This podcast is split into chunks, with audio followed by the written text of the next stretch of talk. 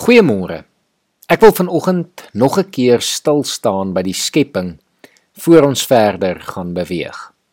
En ek wil vanoggend vir jou 'n vraag vra waaroor jy vandag lekker kan gaan nadink. Het God binne of buite homself geskep? 'n Moeilike vraag wanneer ons dit die eerste keer hoor, maar tog 'n vraag wat so belangrik is en tot soveel dinge kan lei. Indien ons sê God het buite homself geskep, dan is God se alomteenwoordigheid in gedrang en beteken dit dat God nie oral teenwoordig kan wees nie.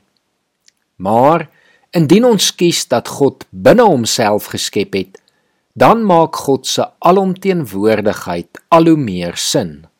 God omring is alom die skepping en ook binne die skepping want die totale skepping is binne in hom. Hierdie gedagte behoort ons weer in verwonderende aanbidding voor God te laat neerval. Want as ons besef die hele heelal is maar net 'n klein ruimte binne in God, dan besef ons werklik hoe groot God is. Om vanoggend vir jou 'n idee te gee hoe groot die totale skepping is, kan ons kortliks na die Melkweg kyk wat ongeveer 950 biljoen biljoen ja, dit is 950 met nog 15 nulle kilometer in deursnee is. En hierdie is maar net een van die sonnestelsels. Daar is duisende van hulle. Hoe groot is ons God dan nie? Maar hierdie God wat ons aanbid, is ook so lief vir ons en sy skepping dat hy ruimte binne in hom gemaak het sodat ons kon lewe. Hy het ruimte geskep sodat ons kan bestaan. As hierdie gedagte vanoggend vir jou oorweldigend is, is dit 'n goeie ding want dit moet oorweldigend wees en amper te moeilik om vir ons brein om werklik dit te verstaan. Maar dit behoort ook 'n reaksie by ons te ontlok. 'n Reaksie van verwondering en dankbaarheid. Dit is waarvoor soveel Bybelskrywers getuig het.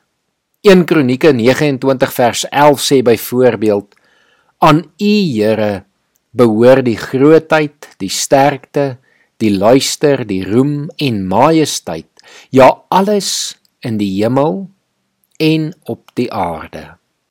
Ek wil vanoggend afsluit deur vir ons in reaksie op vanoggend se oordeenking Psalm 145 voor te lees. Ek wil U verheerlik, o koning my God. Ek wil U naam prys vir altyd en altyd. Elke dag wil ek U prys. Ek wil U naam loof vir altyd en altyd.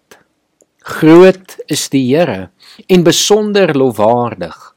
Sy grootheid is ondeurgrondelik. Geslag na geslag roem U werke, U magtige dade maak hulle bekend. Oor die heerlike majesteit van U luister en U wonderdade wil ek nadink. Oor die krag van u ontzagwekkende dade praat mense. Van u grootheid wil ek vertel. Oor herinneringe aan u groot goedheid sal hulle uitwy. Oor u regverdige optrede sal hulle jubel. Genadig en barmhartig is die Here, geduldig en groot in troue liefde. Die Here is goed vir almal en sy barmhartigheid strek oor al sy werke. Here, al u werke loof u en u troue volgelinge prys u. Oor die heerlikheid van u koningskap praat hulle en u mag verkondig hulle sodat die mensdom kan kennis neem van u magtige dade, van die heerlike majesteit van u koningskap. U koningskap is 'n koningskap vir alle ewighede. U heerskappy duur deur al die komende geslagte. Die Here ondersteun almal wat val en help almal regop wat neergebo is.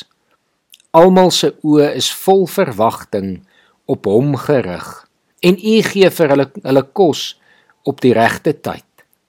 Wanneer u u hand oopmaak, versadig u al wat lewe met wat hulle wil hê. Regverdig is die Here in al sy weë en trou aan alles wat hy gemaak het. Die Here is naby almal wat hom aanroep, almal wat hom in waarheid aanroep. Hy vervul die wens van die wat vir hom ontsag het. Hulle hulp geroep, hoor hy en hy verlos hulle. Die Here beskerm almal wat hom liefhet, maar al die goddeloses delg hy uit. My mond sal die lof van die Here verkondig. Alle mense moet sy heilige naam prys vir altyd en altyd. Amen.